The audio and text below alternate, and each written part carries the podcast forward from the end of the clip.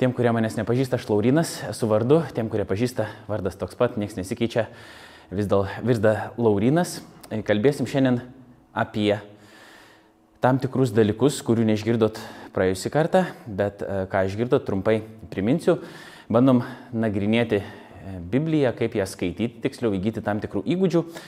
Šitos seminarus vesdamas remiuosi Bible Project medžiagą, kurią galite rasti taip pat internete, užsukę, pavyzdžiui, į bibleproject.com ir lietuvių kalba, ten rasit daug informacijos, taip pat ir YouTube kanalas tokiu pačiu pavadinimu. Bet e, praėjusį kartą mes šiek tiek kalbėjome apie tai, kad e, Biblija tai yra ne viena knyga, tai yra knygų biblioteka. Tam tikras knygų rinkinys, jų yra keliasdešimt. Um, jis yra padariusi šitas knygų rinkinys ir kaip tokia, Biblija, tas um, daug knygų sudėtų po vienu viršeliu, yra padariusi labai didelę įtaką tiek vakarų, tiek ir rytų pasauliui. Be supratimo, kas yra parašyta Biblijoje, mes nelabai galim suprasti net savo pačių kultūros. Galim pasižvalgyti aplinkui, mes matom bažnyčias, kas yra toksai gal ryškiausias tikriausiai biblinės pasaulio žiūros paveldas mūsųse, tačiau ne, ne tik tai ligoninės, mokyklos, universitetai yra taip pat labai tampriai susijęs su biblinė pasaulė žiūra ir konkrečiai krikščioniška pasaulė žiūra. Tačiau, kai sakau biblinė, tai turiu omenyje judėjo krikščionišką pasaulė žiūrą, kadangi krikščionybė turi savo šaknis uh, judeizme. Biblijos kilmė yra iš senosios Izraelio tautos istorijos, Senasis testamentas Kaip jau kalbėjom prieš tai, 39 knygos minimaliai pripažįstamos protestantų, katalikai, ortodoksai yra kanonizavę šiek tiek daugiau, taip pat yra įvairių kitų, pavyzdžiui, e, koptų bažnyčia, kurios turi dar šiek tiek kitokių knygų, bet visi turi tas pačias 39 Senajam testamente ir 27 Naujajam testamente. Šitos knygos buvo parašytos per maždaug pusantro tūkstančio metų ir e, jas rašė bent keliasdešimt autorių, prie kai kurių knygų dirbo daugiau negu vienas autorius. Yra sunkiai net pasakyti, kartais yra sunku pasakyti, kada rašymas prasidėjo, kada jisai tiksliai baigėsi, bet tai, yra, tai priklauso labai nuo to, į kokią mes konkrečią knygą žiūrim. Tai Senojo testamento datavimas atskirų knygų yra kiek komplikuotesnis, Naujojo testamento mes turim šiek tiek daugiau domenų, vienas dėl to, kad tai yra arčiau mūsų laikmečio, um, kita, kiti dalykai yra dėl to, kad tai e, ir šiek tiek tos knygos, kurios yra Naujajame testamente randamos, yra kitokio žanro, negu kad uh, Senojo testamento knygos, pavyzdžiui, keturios evangelijos yra Jėzaus uh, biografijos, e, apaštalų darbai yra ankstyvosios bažnyčios istorija ir taip toliau. O šiandien pradėsim kalbėti apie literatūros žanrus Biblijoje. Dabar įsiaiškinom, kad Biblija yra knygų biblioteka. Ir jeigu jūs užeinat į biblioteką, žinot, kad yra atskiri skyriai. Yra prozos kūriniai, yra mokslinė fantastika, pavyzdžiui, yra poezijos skyrius, dabar galite rasti ir įvairiausių, kokiu tik norite, ten saviugdos, psichologijos ir taip toliau ir panašiai, vadovėlių. Tai kažkas labai panašaus yra ir su Biblija. Atsivertę tą viršelį ir tiesiog bandydami besti pirštų, dabar aš skaitysiu čia kažkur nuo vidurio ir bandysiu viską suprasti, tai kažkiek suprasti, be abejo, jeigu jau mokate skaityti, tai kažkas bus aišku, bet um, taip ir daryti nėra ypatingai rekomenduojama. Pirmiausia, būtų gerai susipažinti iš vis prie kokios aš čia knygos einu dabar, nes jeigu atsiversit, pažiūrėjau, psalminą, kur yra labai daug poezijos ir skaitysit apie tai, kad uh, ten upelį ploja rankomis e, ir jums tada gali atrodyti kažkaip per nesąmonę Biblijai parašyta. Negi tie senoviniai žmonės, kurie rašė šitą knygą, nežino, kad upelį rankų neturi ir ploti nemoka. Ne, bet jeigu tu turiu omeny, kad tai yra poezija, jau visai kitokių žvilgsnių žiūri į tai, kas yra ten parašyta. Tai toks trumpas įvadas. Dabar mes žiūrėsim uh, pirmąjį filmuką, kuris ir aiškins apie šitos literatūros žanrus. Po to aš pabandysiu šiek tiek prie jo sugrįžtant apžvelgti tai, kas buvo pasakyta, tada padarysim trumpą testuką, nebijokit, jokių pažymių, nieko nereikės tokio konkretaus daryti, bet uh, galėsite tiesiog šiek tiek pasukti galvą, pažiūrėti, ar tai, ką išgirdot, um, kažkaip taip supratot, ne taip supratot ir panašiai. O galiausiai kalbėsim taip pat apie Bibliją kaip apie žydų meditacinę literatūrą ir ką tai reiškia. Kadangi praėjusį kartą gavau pastabų, kad labai greitai kalbu, tai bandysiu kalbėti lėčiau šiek tiek. Galbūt man išeis, galbūt ne. E, ir šiek tiek bandysim viską daryti irgi, galbūt šiek tiek trumpiau, koncentruočiau, kad jums laikas e, ypatingai neprailtų šitą žiemos vakarą. Bet jeigu galim tada ir tikėkime, kad viskas veiks, bandom žiūrėti pirmąjį filmuką.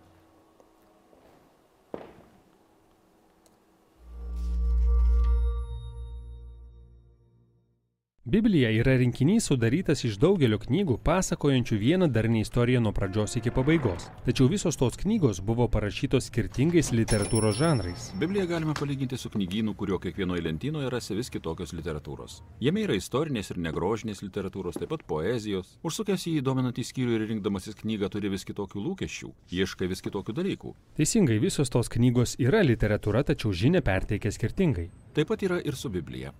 Jei net kreipsi dėmesio, kokio žanro konkreti knyga, nepastebėsi jos genialumo. Kokie pagrindiniai Biblijos literatūriniai žanrai? Pirmiausia, tai pasakojimas. Šiuo žanru parašyti net 43 procentai Biblijos tekstų. Dar yra poezija sudaranti 33 procentus Biblijos. O tai, ką galima pavadinti proziniu diskursu, sudaro likusius 24 procentus. Beveik pusė Biblijos yra pasakojimas. Taip, ir tai neatsitiktinumas. Pasakojimai universaliausia žmonių komunikavimo forma. Mūsų smegenys netgi taip sutvarkytos, kad informacija įsisavintų per pasakojimą. O pasakojimai teikia malonumo. Kažin kodėl. Na, pasakojimai moko mūsų jungti ir suvokti iš pažiūros padrikus gyvenimo įvykius, sudėliodami juos tam tikrą seką. Žvilgdami į bendrą vaizdą, pradedame suprasti viso to prasme ir tikslą. Ir kasgi visą tai susiję? Na, geruose pasakojimuose visuomet būna veikėjas, kuris ko nors nori.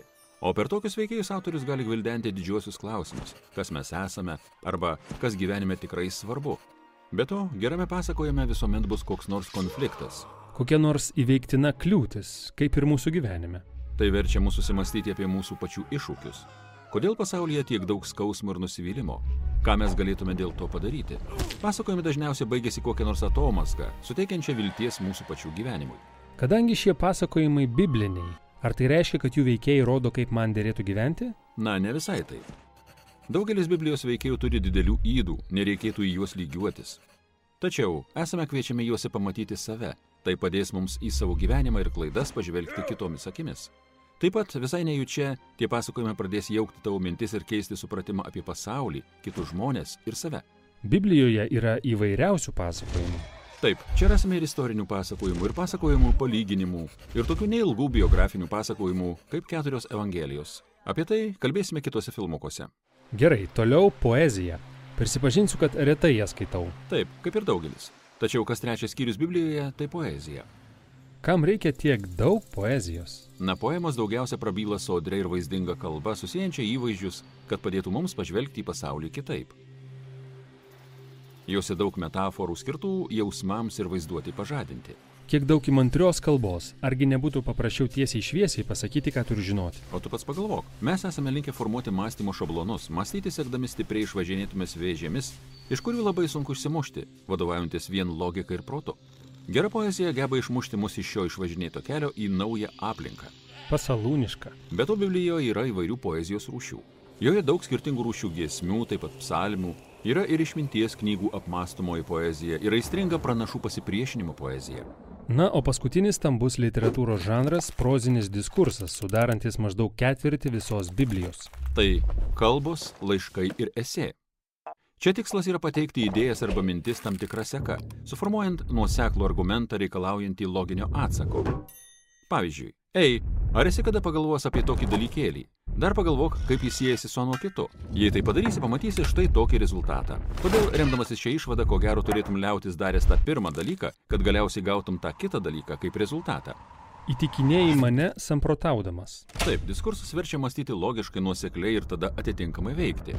Biblinis diskursas būdingas teisiniai įstatymų rinkinių kalbai, išminties literatūrai ir apaštalų rašytiems laiškams. Ar tai reiškia, kad kiekviena Biblijos knyga priskiriama vienam literatūros žanrui? Ne, tiesą sakant, nors daugumai knygų būdingas vienas pagrindinis literatūros žanras, pavyzdžiui, pasakojimas, į jį gali būti jausta poezijos, palyginimų ar įstatymų rinkinių. Kiekviena Biblijos knyga yra nepakartojamas literatūrinių žanrų derinys. Tad norėdamas būti geras skaitytojas, privalau būti susipažinęs su visais literatūros žanrais ir kam jie skirti. Teisingai, tada žinosi, į ką labiau atkreipti dėmesį, kokius klausimus kelti. Tačiau prieš nagrinėdami kiekvieną žanrą atskirai, turime aptarti dar vieną vienijantį biblinės literatūros bruožą, kuris ir labai svarbus, ir labai šaunus. Apie tai pakalbėsime kitoje dalyje.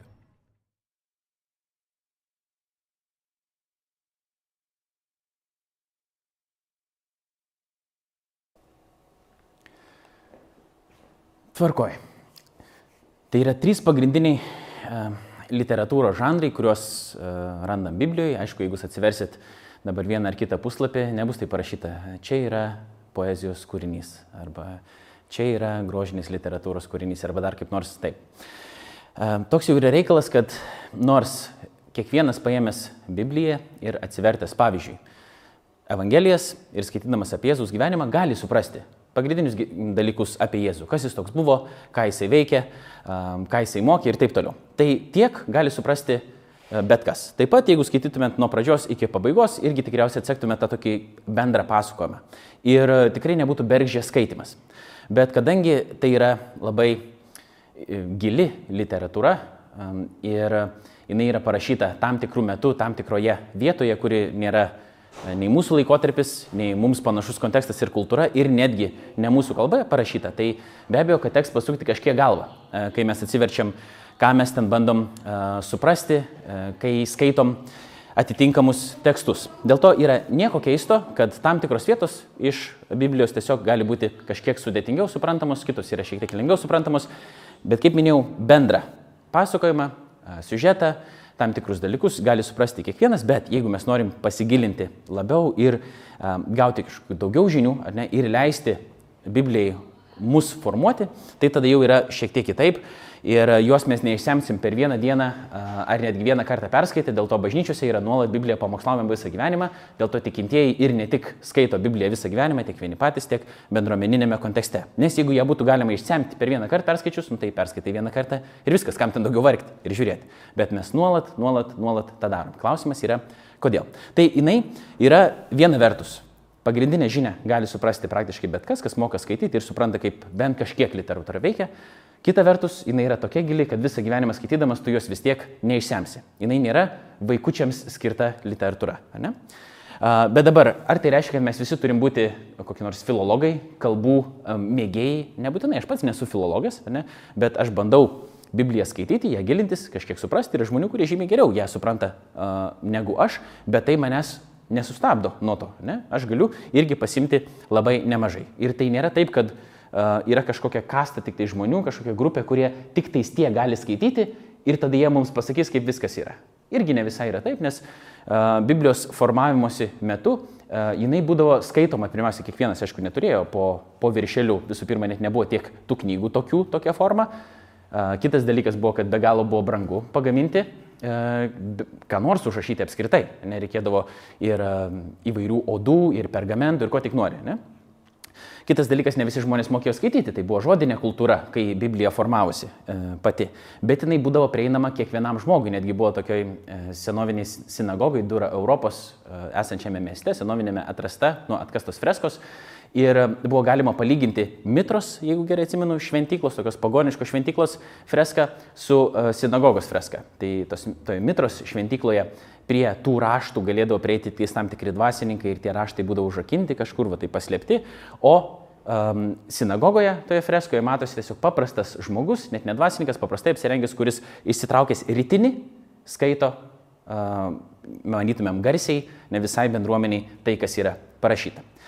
Tai šita literatūra uh, yra viena vertus ir suprantama, kita vertus jinai yra tikrai uh, pakankamai sudėtinga ir komplikuota, bet tai turėtų mus ne gazdinti, o kaip tik versti geriau ją panagrinėti. Ką mes čia dabar ir bandom padaryti. Tai tų žanrų Biblijoje yra daugiau negu trys, kurie yra parodyti, tačiau, nu, galima sakyti, yra tokių požandrių, kurie galėtų tilpti po vienu ar kitu iš čia e, išvardintų. Be šitų dar galėtum sakyti, pavyzdžiui, yra apokaliptinė literatūra, palyginimai ir taip toliau ir panašiai. Bet šitie trys yra tokie didieji gabalai. Tai didžiąją Biblijos dalį, dalį sudaro pasakojimas apie 43 procentus. Ką tai dabar reiškia? Kas yra pasakojimas? Arba kitaip toks įmantrus žodis yra naratyvas. Naratyvas nėra būtinai didaktinis, tai reiškia pamokomasis vien tik kad tu skaitai ir tada pabaigoje tau yra gražus moralas pasakytas. Vat, dabar nežaisk su uh, akmenukais uh, kieme arba ten nelipk ant ledo, kai yra uh, per mažai pašalę, nes gali įlūšti ten ir nuskesti arba dar kažkas tokio atsitiks. Ne? Biblijai pasakojimai ne visai taip veikia. Tai nėra tokio visą laiką po pasakojimo pabaigoje gražo, trum, gražaus E, trumpo moralo, kuris būtų visiems taip lengvai įkandamas, suprantamas ir visą kitą. Ir iš principo ten net nelabai reikėjo to pasakojimo tokio ilgo, galėjai tik tiksliai man pasakyti, ką reikia daryti ir ką reikia žinoti ir tiek. Biblijoje tie pasakojimai yra pinami tai pakankamai sudėtingai ir yra pasakojimai pačiose atskiriuose knygose randami, kartais vienoje knygoje ir keli tie pasakojimai, bet yra dar ir meta pasakojimas arba meta naratyvas, kuris apima visus kitus pasakojimus ir juos sujungia į vieną. Tai Biblija yra įdomi dar tuo, kad viena vieta nuolat nurodo į kitą. Šiandien mes vyrų grupeliai kalbėjomės, skaitėm, man atrodo, išėjimo 14 skyrių, ar 17, 17 tikriausiai skyrių. Ir Moze laiko iškėlęs rankas ir jam padeda dar du vyrai, tas rankas laikyti į viršų, nes jisai pavarksta. Ir kol Mozė laiko iš, iškėlęs rankas į viršų, tol izraelitai laimi prieš amerikiečius, o kai rankas nuleidžia, tada pralaimi. Keistas toks pasakojimas, atrodo, aš aišku, čia labai trumpai viską papasakau, bet, na, nu, aš klausiu iš karto vyrukų, sakau, man tai keista, kodėl tas rankas nereikia laikyti iškėlus. Nu, tikrai atrodo nesąmonė. Stovi mozė, ne, ir kol rankos yra pakeltos į viršų, dar pats neišlaiko, jisai pavarksta, nu čia normalu, supranta, fiziškai yra sunku ilgą laiką taip rankas laikyti, ne, tai ir, ir laiko, ne, ir likti nuo, nuo jo rankų laikymo, nuo jo pozicijos priklausytų dabar izraeliečių pergalė. Bet mes pradėjom tada giliau tada nagrinėti, ne, kodėl, kodėl tos rankos būtent yra laikomos, kodėl tos rankos yra pakeltos, dabar ką reiškia pakeltos rankos, pavyzdžiui. Gal atsimenat. Pavyzdžiui, vienas dalykas, kas yra, e, ką reiškia pakeltos rankos, tai nurodo į Dievo šlovinimą. Yra parašyta kitoje vietoje, aš noriu, kad vyrai visur keltų rankas, melzdamėsi ir e, tai yra maldos ir šlovinimo ženklas. Ne? Tai reiškia, jau šita vieta nurodo į uh, kažkokią, uh, kažkokią kitą vietą. Kitas dalykas irgi, kaip, uh, pavyzdžiui, Mozė išvedė Izraelio tautą per um, Raudonąją jūrą ne, į laisvę iš Egipto. Tai kas išvedė? Mozė ar Dievas išvedė? Nes vienoje vietoje sako, kaip ir Dievas išvedė, kitoje vietoje sako, Mozė išvedė. Ir vienoje vietoje Dievo ranka išvedė, kitoje vietoje Mozės ranka išvedė. Ir mes žinom, skaitydami tą pasakojimą, pažiūrėdami jį šiek tiek toliau, ar ne? Nes tiem žmonėm, kurie mato tai, kas vyksta, pavyzdžiui, ne, jie galbūt ir nemato tos Dievo rankos kažkaip veikiančios, jie mato Mozės rankas, kuris kelia tą pagalį, ar ne, ir jūra ten prasiskiria, kuris su pagaliu trenkia į akmenį iš ten vanduo ištrykšta. Bet mes skaitydami tai jau kitaip dalyvaujam, šiek tiek sąveikiam su to pasakojimu, patys įsitraukiam bet mes suprantam, kad čia veikia iš tikrųjų Dievo ranka. Ir ne Mozės ranka kažkaip išgelbsti tos žmonės, bet Dievo ranka. Bet Dievasgi fizinės rankos neturi. Ne? Bet tai yra tarsi toks simbolis. Visų pirma, tai ranka irgi nurodo tam tikrą galybę. Viešpatai išgelbėk mane savo ranka. Bet čia neina kalba, kad kažkokia didelė ranka iš dangaus išlys dabar ir mums išgelbės kažkokiu būdu. Ne? Bet kai pradedi tą pasakojimą po truputį, po truputį taip nagrinėti, žiūrėti, ką reiškia tai, kas čia dabar vyksta, kur tos rankos pasirodo, kaip jos veikia, kas dar apie jas yra pasakyta, žiūri, kaip tas pasakojimas pats visas pinasi, pradeda dalykai po truputį, po truputį kristi į vietas. Tai, pavyzdžiui, viena iš išvadų, kurią mes šiandien priėm ryte, šitą pasakojimą apmastydami, yra ta, kad um, tai buvo ženklas izraeliečiams, kad ne nuo jų priklauso jų pergalė. Dėl to, kad tai buvo akivaizdžiai susijęs su tuo, su ką daro Moze. Ar jisai šlovina Dievą ir įveda save į, kaip sakyti, tokį pamaldų santykių su juo, pripažindamas jo galybę, ir tada jiems ateina pergalė. Ir tada, kai jisai taip nedaro, tada jie tos pergalės nepasiekia. Atrodo, nu, keista, jeigu jie turi tiek pat tų žmonių, ne ir taip pat kovoja, tai kaip jie ir turėtų pasiekti pergalę, šitą dabar nuo rankų niekas nepriklauso. Bet mes, skaitydami tai, suprantam, kad iš tikrųjų Mozė yra tinkamame santykėje, nešlovinimo santykėje vienu metu ir kitu metu, net tos rankos pailsta, net tas pasitikėjimas galbūt kažkiek um, sumenksta Dievu ir tada rezultatas jau yra kitoks. Kitoje vietoje mes skaitom irgi, tada pradedi prisiminti kitus pasakojimus Biblijoje. Kaip pavyzdžiui, Dievas sumažina uh, Izraelio armiją iki 300 vyrų, su kuriais yra apskritai neįmanoma nugalėti tos tautos, ar ne, kurie ten niekina Izraelį. Bet jisai sako, aš sumažinsiu dėl to, kad yra per daug tų visų kitų, dėl to, kad jie, jeigu bus per daug tų vyrų, jie galvos, kad jie patys pasiekė pergalę.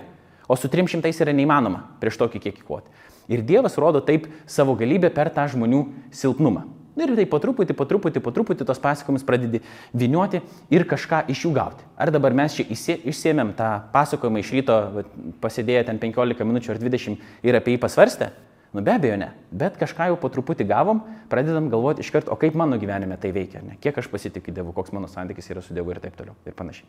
Aišku, ne kiekviena vieta uh, Biblijoje bus lygiai taip pritaikoma mūsų gyvenimuose ir uh, šiaip iš tikrųjų mes neretai mėgstam tai bažnyčiose uh, to teorinį, tą teorinę dalį praleisti, bet kaip čia kas vyksta ir kas tenais uh, yra toj Biblijoje. Pasakyk man, kaip reikia elgtis dabar, tiesiog ką man reikia daryti namo parėjus ir viskas. Man tų pasakymų nereikia. O iš tikrųjų Biblija veikia visai kitaip. Ne tai, kad nu, tau tiesiog pasakoma yra daryk taip ir taip ir tiek, ir reikia dabar namo ir daryk, visų pirma, tai yra visiškai neveiksminga, labai retai mes kada taip darome. Kitas dalykas, jeigu būtų mums tiesiog Biblija įs, tam tikrų įsakymų ar nuorodų rinkinys, tada mes pradėtume ieškoti praktiškai kiekvienų gyvenimo atveju, kokias kelnes mautis, mautis, nesimauti, kokią auskarą įsisekti ir taip toliau. Ne? Tai yra nepraktiška ir net nesąmonė. Mes visų pirma net ne robotai esame, esame padaryti pagal Dievo atvaizdą Ir Dievas nori mus padaryti išmintingais žmonėmis, kad mes sekdami juo galėtume daryti atitinkamus sprendimus, suformuoti pagal jo sunaus atvaizdą. Ir šventasis raštas tos istorijos, kuris, kurios mus įtraukia, mus daro išmintingais žmonėmis, kai mums tam tikroje situacijoje atsidūrus, mes negalvojam, o kaip šitoj eilutėje yra dabar parašyta, kaip čia man reikėtų elgtis. Nes Biblijoje nėra kiekviena situacija visų, gyven, visų pasaulio žmonių aprašyta, kaip ir kam ką reikėtų daryti. Ne? Bet tu, turėdamas tą išmintį, kur yra iš šventojo rašto kylanti išmintis, gali padaryti išmintingą sprendimą. Tai pasakojimas mus formuoja, jis priverčia mus prie jo vėl ir vėl sugrįžti, mes pasakom žymiai geriau atsimenam negu faktus arba nurodymus. Um, ir čia toks buvo pavyzdys iš Bible Project teiktas, kad, pavyzdžiui, kai saulė šviečia ne, ir jinai augina Pirmiausia yra seklytė, ne ten vanduo, ta saulė duoda, teikia šilumos, augalas iškyla ir jis po truputį, po truputį, po truputį, po truputį auga. Ne? Ir tas po truputis, tas augimas stiprina kamieną, suteikia maistinių medžiagų ir taip toliau, ir tas augalas gali žaliuoti ir gyvuoti kurį laiką. Ir tai yra žymiai, žymiai geresnis procesas, ne, ir ilgiau, jisai ilgiau trunka, bet jisai yra tvaresnis, sakykime, negu paimti na, kokį nors, nu, eglutę mums nusikirsti, ne, pam pasistatyti ir jinai bus mums kiek reikės, bet jinai greitai nubirės. Mes turėsim trumpalaikį rezultatą, labai greitai prieėję prie to, ko mes norime, ne, mes turėsim labai trumpą rezultatą. Bet jeigu mes turime patirtį ir išminti, tada mums tai teikia tvarumą. Nu, ką aš bandau pasakyti, kad mes mums pasakys dabar elgtis taip ir anaip, ne, mes nueisim namo, gal du kartus tai padarysim ir po to viskas. Nebenorėsim, nebedarysim, pamiršim ir taip toliau. Ne? Bet jeigu mes busim formuojami tam tikros patirties, mes visą gyvenimą galbūt tada taip ir elgsimės ir dar išmintingėsime. Ne? Tai Biblija veikia taip, kad tai yra ilgas procesas, ne, ne vienkartinis, ne, kaip sakau, nu, ne, šiaip vaikų moralai kažkokie trumpi, mažučiai, bet tai yra ilgalaikis procesas, visą gyvenimą trunkantis, niekada nesibaigiantis, bet su ta viltimi, kad kiekvieną dieną mes daromės vis išmintingesni ir priimame vis teisingesnius sprendimus. Poezija. Atrodytų, ką poezija mums gali pamokyti. Nu, aš neskaitau lietuviškos poezijos praktiškai iš vis neskaitau. Nežinau, ar jūs skaitot. Nors jeigu skaitot, labai gerai, šaunu. Turi daugiau tada patirties, reiškia, kaip reikia tvarkyti su poezija. Aišku, hebrajų poezija yra kitokia poezija. Šitą poeziją skaitau dažnai, nes Bibliją skaitau praktiškai kiekvieną dieną. Tai reiškia, kad su šita hebrajų poezija aš neišvengiamai susiduriu. Um, jinai veikia kitaip negu, kaip minėjau, lietuviška. Aišku, lietuviškos visokios poezijos yra, bet dažniausiai mes esame įpratę prie poezijos tokios, kurioje va, taip rimuojasi. Ne? Um, bet hebrajų poezija nebūtinai rimuojasi. Kitas dalykas, mes ją skaitom lietuviškai. Tai jau yra vertimas tam tikras, ne? Mintis ten yra ta pati, bet mes galime prarasti galbūt šiek tiek tą tokį uh, jausmą, uh, žodžių pasikartojimą arba žodžių skambesi, kurio mes negirdime. Jeigu ypatingai kalbam, pavyzdžiui, apie Senąjį testamentą, kuris yra hebrajiškai rašytas, naujasis yra rašytas graikiškai didžiąją dalimi. Ne? Šiek tiek tai prarandame, bet mes vis tiek galim pagauti pagrindinę mintį. Ir kitas dalykas, kad mums ne vien tas skambesys yra svarbus, bet kad biblio, biblinė poezija dažnai jinai veikia tokiais kupletais. Mes daugiau kalbėsime apie tai šiek tiek, kad viena eilutė pasako tą patį dalyką vienaip, o kita eilutė pasako lygiai tą patį dalyką, tik šiek tiek, šiek tiek taip. Ir mes kartojam, kartojam, kartojam, kartojam, kol mums tai įsėda į galvas, mes net nejaučiam galbūt to, bet mes nuolat patiriam, patiriam, patiriam, patiriam, kaip tas tekstas veikia ir, e, ir tai mus keičia. Bet galbūt mes tą pačią dieną nepastebim, kai tai keičia, bet tos eilės, pavyzdžiui, ateina kartais į galvą, kai yra sunku, prisimeni, viešpats yra mano ganytojas, aš nestokosiu ir taip toliau ir panašiai, ne, ir jos jau yra įsėdusios taip giliai tavo širdį, kad daro tau realų, realų poveikį tavo gyvenime. Ir tas prozinis diskursas, prie, prie kurio mes galbūt esame labiausiai įpratę, kuris yra tokia argumentuota kalba dažniausiai. Tai yra taip, taip, taip, taip ir anaip. Pavyzdžiui, tai yra Paulius laiškai didžiąją dalimi, kuris kreipiasi į kažką, pavyzdžiui, vieną bendruomenę arba konkretų asmenį ir sako, kad aš esu toks ir toks ir toks, palaiminimai tokie, tokie ir tokie, prisidirba ten, ten, ten, ten, taip yra negerai, negerai, dabar reikėtų elgtis taip ir taip ir taip, ir tada aiškiai jisai pabaigia. Ne? Tai mes galvojam, kad visas šventasis raštas, visa Biblija taip veikia, bet didžiąją dalimi a, taip nėra, nors tokios kalbos taip pat yra. Dabar koks yra reikalas, jeigu Paulius, pavyzdžiui, rašo Korinto bažnyčiai, ne, tada um, ar tai reiškia, kad mes viską galim pritaikyti lygiai taip pat savo? Ir taip ir ne. Reikia atskirti dabar kaip, nes yra kultūrinis kontekstas, tam tikri dalykai, ar ne, um, yra tam tikros problemos, kurios buvo konkrečiai Korinto bažnyčioje, ir mes kažką panašaus galbūt turim, tada turim ištraukti tam tikrus principus iš ten ir bandyti tada taikyti savo gyvenime. Bet viens prie vieno nebūtinai visada tai persikelia. Kai kurie dalykai persikelia, be abejo, pavyzdžiui, mylėti savo artimį kaip patį save arba mylėti Dievą. Tai kaip tada reikėjo lygiai taip pat, taip ir dabar reikia lygiai taip pat, bet kultūroje tai jau yra šiek tiek, nu, kitaip, ne? Žmonės kitaip gyvena, žmonės yra kitokie, bent jau paviršių žiūrint, nebūtinai iš pačios gilumos. Tai trys pagrindiniai žanrai. Pasakojimas beveik pusė, trečdalis poezija ir ketvirtadalis kažkur yra prozinio diskurso. Kitas pavyzdys dabar, kaip mes su tais žanrais tvarkomės e, Biblijoje, tai yra, um, galim pažiūrėti į, į jį kaip į parduotuvę, prekybos centrą. Ne? Dabar yra kalėdiškai papuošti, kaip ir čia šitam paveiksliuke. Einate į prekybos centrą ir dažniausiai, jeigu einat į tą patį, arba apsiperkat ne kiekvieną dieną, o kas savaitę, kaip mes su žmona darom dažniausiai, tai einam į tą patį ir turim tam tikrą maršrutą, kuriuo mes eisim ir žinom, kad jeigu vienas dalykas yra padėtas čia, reiškia, šalia bus padėtas jau kitas dalykas. Taip netgi prekybos centrai yra sugrupuoti, ar ne? Ne visai visur iki galo, bet iš dalies taip yra. Nu, pavyzdžiui, jeigu yra arbata ir kava, kas bus šalia? Sausainiai bus, saldainiai, kažkas tokio padėta. Jeigu yra čipsai padėti traškučiai, kas bus šalia? Alus. Ir visi, nu, žino, ne, kur Amerikai, pavyzdžiui, jeigu yra riešutų sviestas padėtas, tai reiškia, šalia bus tada padėtas ir džemo, tos ogienės vadinamos mūsų, nu šiaip, džemo ir tada batono, tam, kad jie galėtų iš karto susitepti tą peanut butter and jelly sandwich. Nu, taip yra Amerikoje, ne, Lietuvoje taip nėra dėl to, kad mūsų kultūra yra kitokia ir mums šiek tiek kitaip dalykai kombinuojasi.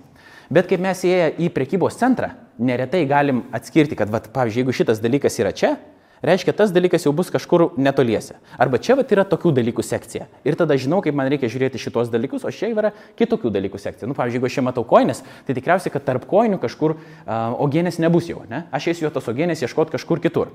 Tai labai panašiai yra su Biblija. Kai atsiverti tam tikrą vietą, jau pradedi skaityti, ne, kad va čia yra tam tikri va dalykai, ne, kraujas, pavyzdžiui, pasirodo kažkur, kraujas ten šaukia į žemės, ne. Tada tu žinai, kad prisimeni kitas tas vietas, kur yra kraujas irgi. Mm, e, aprašomas, ne, tada ta vieta susisieja su, e, su viena vieta, e, ta kita vieta susisieja su kita vieta ir tu pradedi po truputį, po truputį, po truputį uh, susigaudyti, kur tu atsirandi.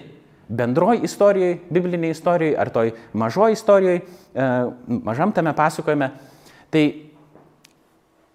kai mes išmokstame atskirti tam tikrus motyvus arba tam tikras temas, kurios yra šventame rašte, mes po truputį pradedam geriau susigaudyti, kaip tas vietas mums reikia skaityti. Dabar aš prašysiu tavo pagalbos, tu atsidaryk, jeigu gali messengerį, pasakysi man tiksliai tas vietas, kurias reikės atsiversti. Tam, kad aš daug labai čia nešnekėčiau, aš paskaitysiu kelis jums pavyzdžius. Um, Bible Project taip gudriai padarė šitą filmuką irgi matėt, kad yra tam tikras animacijos tipas, paveiksliuko tipas, kuris nurodo į tam tikrą žanrą. Tai čia buvo pasakojimo žanras. Pasakojimo žanre mes turim tokius pavyzdžius, kad pasakojimai gali būti istoriniai, gali būti palyginimai, gali būti e, biografijos.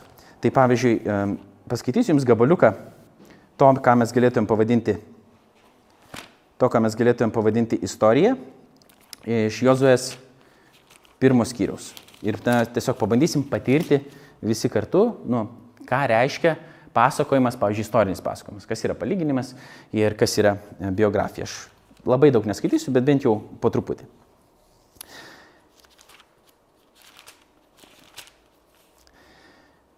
Čia yra Jozuės knygos pirmas skyrius. Viešpatės tarnui Mozei mirus, viešpats kalbėjo Mozės patarnautojui Nūno sūnui Jozuai, sakydamas, mano tarnas Mozė mirė. Taip pat pereiti, pasiruošk pereiti Jordaną, tu ir visi šie žmonės į kraštą, kurį duodu jiems, izraelitams. Kiekvieną vietą, į kurią tik įkelsite koją, atiduodu jums, kaip Mozei pažadėjau. Jūsų žemė bus nuo dikumos bei Libano iki didžiosios upės, Eufrato upės, visas Jėtitų kraštas ir iki pat didžiosios jūros, kur leidžiasi saulė. Niekas nepajėgs tau pasipriešinti per visą tavo gyvenimą. Kai buvau su Mozi, tai bus ir su tavimi. Neapvilsiu tavęs ir nepaliksiu. Būk stiprus ir ištingas, nes tu padarysi šiems žmonėms kraštą, kurį jiems duoti esu prisiekęs jų protėviams. Tik būk stiprus ir labai ryštingas, ištikimai eldamasis pagal visą įstatymą, kurį mano tarnas Mozė tau davė. Nenutolk nuo jo nei į dešinę, nei į kairę, įdant tau sektusi, kad ir kur tu eitumai. Neleisi šią įstatymo knygai pasitraukti tau nuo lūpų, bet kartos ją dieną naktį, kad ištikimai laikytumėsi visko, kas joje parašyta. Tik tada padarysi savo kelią sėkmingą. Tik tada tau seksis. Argi tau neįsakiau, būk stiprus ir ištingas. Taigi nesibaimink ir nenogastauk, nes viešpats tavo Dievas eis su tavimi, kad ir kur tu eitumai. Tada Jozoje įsakė, įsakė žmonių apskaitininkams. Pereikite per stovyklą ir liepkite žmonėms apsirūpinkite maisto atsargomis, nes po trijų dienų perėsite Jordaną, kad žengtumėte paveldėti kraštų, kurį viešpats jūsų Dievas duoda jums kaip nuosavybę. Tai čia yra gabaliukas tokio pasakoma, į kurį įsiterpia tokia pranašinga kalba. A, tada yra palyginimas.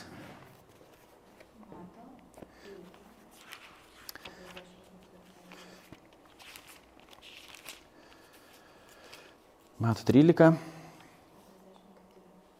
44. Dangaus karalystė, karalystė panaši į dirboje paslėptą lobį. Atradęs į žmogus niekam nesako, iš to džiaugsmo eina, parduoda visą, ką turi ir perkasi tą dirbą. Dangaus karalystė dar panašiai į pirklę, ieškanti gražių perlų. Atradęs vieną brangų perlą, jis eina, parduoda visą, ką turi ir nusiperka jį. Dangaus karalystė dar panašiai ežeran metamą tinklą, užgriebiant įvairiausių žuvų. Kai prisipildo, jis išvelkamas į krantą, susėdama ir gerosios ir gerosios surenkamos į indus, o netikusios išmetamos. Tai bus ir pasaulio pabaigoje išeis angelai iš rankos blogosius iš gerųjų ir mes juos į žėrojančią krosnį. Ten bus verksmas ir dantų grėžimas. Ar supratote visą tai? Jie jam sako taip. Tuomet jis tarė, todėl kiekvienas rašto aiškintojas, tapęs dangaus karalystės mokiniu, panašus į šeimininką, kuris iškelia į savo lobino naujų ir senų daiktų. Ir Mato pradžia. Ir tada bio, viena iš Jėzus biografijų uh, pradžių. Visos neskaitysiu, nes tikrai pavargsit čia, bet pagausit ritmą. Čia yra Evangelijos pagal Matą, pirmas skyrius nuo pirmos eilutės. Jėzaus Kristaus sūnaus Dovido, sūnaus Abromo kilmės knyga. Abromui gimė Izaokas, Izaokui gimė Jokūbas, Jokūbui gimė Judas ir jo broliai, Judui gimė Faras ir Zara iš Tamaros, Farui gimė Esromas, Esromui gimė Aramas, Aramui gimė, Amin, gimė Aminadabas, Aminadabui gimė Nasonas, Nasonui gimė Salmonas, Salmonui gimė Boazas iš Rahabos, Boazui gimė Jobedas iš Rūtos, Jobedui gimė ir taip toliau. Ne, kai kurie atsiverčia šitą vietą ir jiems Biblijos ir užtenka jau. Jie nebegali to pusės skyriaus perskaityti, kas čia kam gimė, koks šis skirtumas yra. Tai mums atrodo yra koks skirtumas, ne? bet ne visos Evangelijos tai prasideda. Žinot, kad, pavyzdžiui, Jono Evangelija prasideda visiškai kitaip. Visos jos prasideda nuo Jėzus kilmės, bet šita yra tokia labai atsekama konkrečiai, ne? per kartas iki tam tikro asmens, parodant, kas buvo Jėzus. Ne? Ir nors mums gal tai atrodo keista, visų pirma, tai mes, nu, lietuviai, mums tie vardai, kai kurie nelabai ką sako, bet žydams tai čia buvo labai svarbu, iš kur, iš kokios giminės jisai yra atėjęs. Ar čia yra tas pažadėtasis, ar ne. Ir čia yra konkrečiai sakoma, čia yra būtent tas. Jis yra kilęs iš ten, kur yra ir žadėta, kad jis yra kilęs. Bet, pavyzdžiui, Jono Evangelija prasideda, pradžioje buvo žodis ir tas žodis buvo pas Dievą ir žodis buvo Dievas. Tas žodis, greikiškai logos, yra nuoroda į Kristų, nes jis atėjo, priėmė kūną ir buvo savųjų atmestas, nesuprastas ir taip toliau. Ten jau yra tokia kosminė Jėzaus kilmė. Visų pirma, tai jis yra vadinamas um, Dievu, Jis pradžioje buvo pas Dievą ir pats buvo Dievas ir jis atėjo čia. Ne? Tai yra visiškai kitokia prieiga, bet prie to paties asmens. Tai mes turim skirtingų um, pasakojimo tokių požandrių, galėtum sakyti, istoriniai pasakojimai, palyginimai, biografijos. Būtų galima rasti dar ir daugiau, bet tiesiog skirtumą šiek tiek jaučiat iš to, ką aš paskaičiau. Ne? Kad nėra taip, kad pradedi skaityti vieną ir galvoji, ai, Biblija yra ten sąmonė arba nesąmonė, man labai patinka arba labai nepatinka, nes tu vieną dalyką pradėjai skaityti, jisai visiškai vienaip skamba, o kitas gali visiškai kitaip skaityti ir jų, e, skambėti ir juos kitaip reikia ir skaityti. Ne? Toliau. Toliau mes turim uh, poeziją. Ne? Vėl kitokią animaciją ir poezijos irgi yra skirtingų rūšių. Tai e, pavyzdžiui, poetinė giesmė. Iš, išėjimo 15. Čia yra labai įdomu, nes e, pirmiausia, kai izraeliečiai išeina iš Egipto, yra pasakojama, kaip jie perina per uh, jūrą, o po to, iškart po to yra tas pats dalykas atpasakojamas poetinė forma. Tai vėl klausimas, kam? Kam taip daryti? Kam vieną kartą jau pasakėjai vieną kartą ir užtenka, kam čia dabar man reikia kartuoti? O mums reikia kartuoti tam, kad mes suprastumėm viso to svorį. Mes turim pasakojimą ir po to mes turim uh, poetinę giesmę, kuri veikia mus jau visiškai, visiškai kitaip. Tai tada, perėję per Raudoną jūrą, Mozė ir Izraelitai gėdojo viešpačiui šią giesmę. Aš gėdosiu viešpačiui, nes išlovingai nugalėjo, nugramzdino į jūrą žirgą ir vežėją. Viešpats mano jėga ir giesmė, jis mane išgelbėjo, aš jį garbinsiu. Jis mano Dievas, aš jį aukštinsiu, jis mano tėvo Dievas. Viešpats yra galiūnas, viešpats jo vardas. Faraono kovos vežimus ir kariuomenę nubloškė į jūrą. Nendrių jūroje paskandino jo geriausius vadus bet dugnes vandenys jūs užliejo, jie nugrimzdo į gelmes kaip akmuo. Tavo dešinė viešpatė nuostabi savo jėga, tavo dešinė ranka viešpatė triuškina priešus. Savo didybę šlovę nugalėjai priešininkus, išlėjai savo įniršį, kuris surijo juos kaip ugnis, surija šiaudus. Tavo nirtulio dvelgtelėjimu susitelkė vandenis ir bangos iškilo tarsi pylimas, bet dugnes vandenis sustingo viduryje jūros ir taip toliau ir panašiai. Ne? Mes čia turim visai kitokį tokį vaizdinį. Pirmiausia, skaitome apie tai, kaip Mozė, ne? sako, Mozė perskiria jūrą, iš tikrųjų viešpats parašyta, ne? siuntė vėją, kuris pūtė ten tą jūrą, bet irgi yra skirtingos perspektyvos, ne? Tam tikrus į tą patį įvykį, kurios neprieštarauja viena kitai, bet yra skirtingas žvilgsnis į tai pat. Čia yra toks poetinis žvilgsnis į tai, kad negi ten nosis išlindo iš dangaus, kuris vadvelgtelėjo pūtė, ar ne, ir taip ir sustingo tas, tas vanduo ir iš tikrųjų stovėjo kaip žėlė.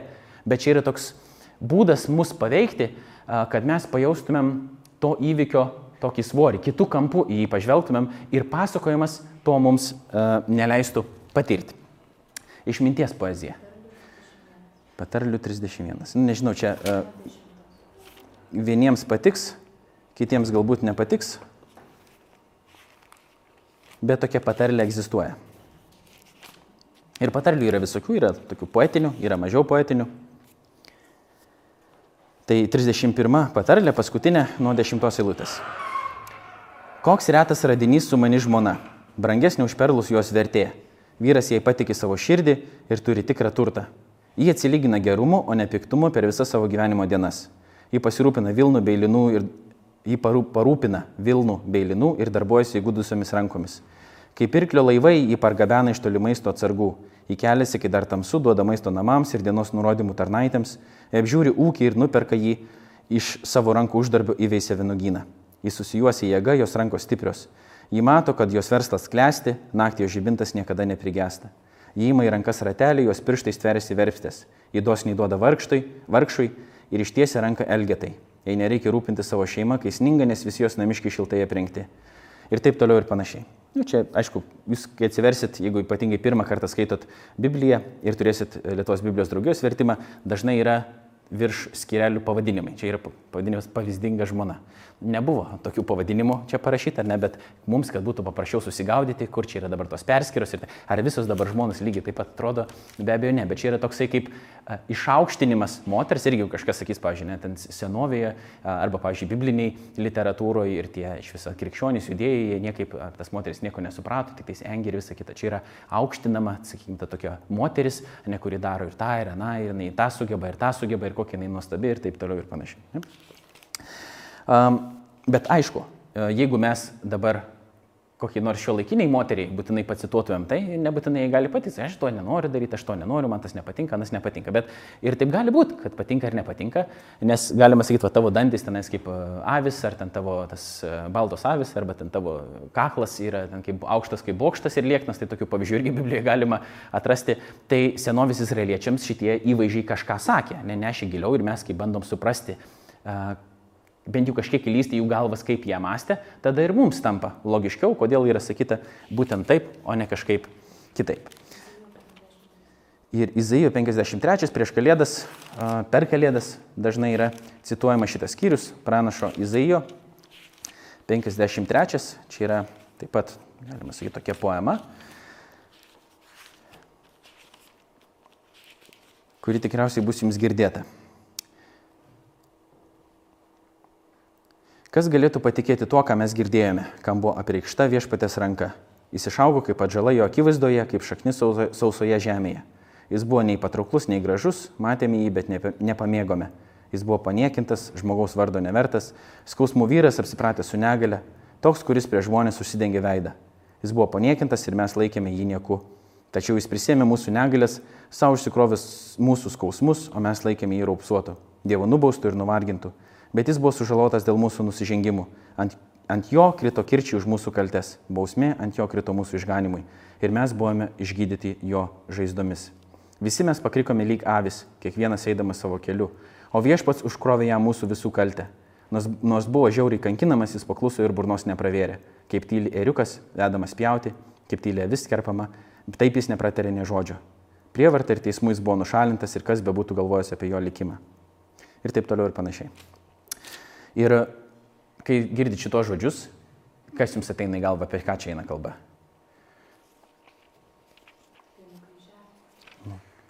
Atrodytų apie Jėzų eina nekalba, bet bėda yra ta, kad šita poema parašyta keli šimtai metų iki to. Ne, tai čia, kai, kai jinai buvo rašoma, tai niekas net negalvojo, kad tai bus, kad apie Jėzų jis čia kalba, dar kažkas. Ne, mes taip žiūrėdami retrospektyviai suprantam, kad tai yra pranašystė ir vienas iš bent jau tokių pirmų krikščioniškų teiginių buvo ankstyvoji bažnyčiai labai populiarus, norint parodyti Biblijos autoritetą, kad tenais yra pilna pranašyščių apie tai, kas bus, kas įvyks ir konkrečiai apie Jėzų, e, kurios išsipildo jame, kuris pats negalėjo tų kaip sakyti, savo gyvenimą prie jų priderinti, nei kur gims, pavyzdžiui, nei dar kažkas.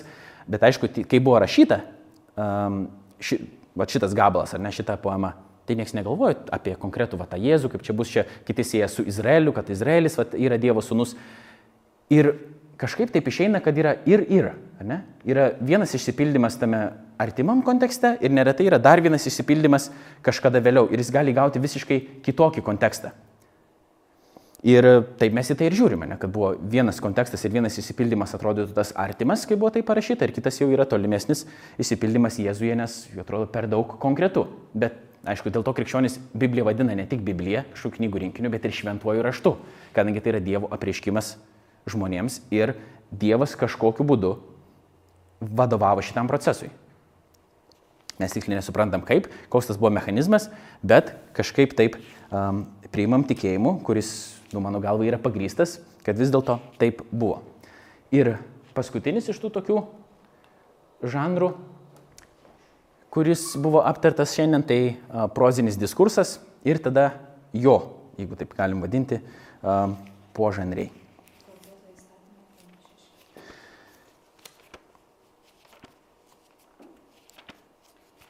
Pakartoto įstatymo.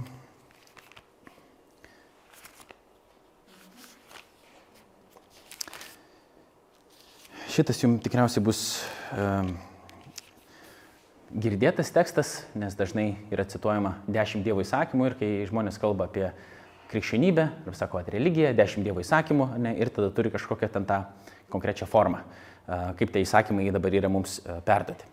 Čia dešimt dievo įsakymų um, yra aprašyti, kaip yra perduoti ir išėjimo knygoje, taip pat ir pakartoto įstatymo, tai aš paskaitysiu šitą versiją iš uh, pakartoto įstatymo penktos skyriaus.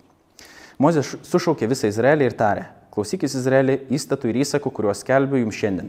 Mokykitės ir ištikimai jų laikykitės. Viešpats mūsų Dievas sudarė sandorą su mumis prie Horebo. Ne su mūsų protėviai sudarė viešpats šį sandorą, bet su mumis, su kiekvienu mūsų, kuris čia esame šiandien. Veidu į veidą viešpats kalbėjusi su jumis prie kalno iš ugnies. Aš stovėjau tuo metu tarp viešpatės ir jūsų, kad perdočiau jums viešpatės žodžius, nes jūs bijojote ugnies ir nekopėte į kalną. Jis sakė, Aš esu viešpats tavo Dievas, kuris išvedžiau tave iš Egipto, žemės ir iš vergyjos namų. Neturėsi kitų dievų, tik tai mane. Nedirbsi savo drožinio, nei jokio paveikslo, panašaus į tai, kas yra aukštai danguje, čia žemėje ir vandenyse po žemę. Nesilenks jiems ir negarbins jų, nes aš, viešpats tavo Dievas, esu pavydalingas Dievas, skiriantis bausmę už tėvų kaltę vaikams iki trečios ir ketvirtos kartos tų, kurie mane atmeta, bet rodantis ištikimą meilę iki tūkstantosios kartos tiems, kurie mane myli ir laikosi mano įsakymų.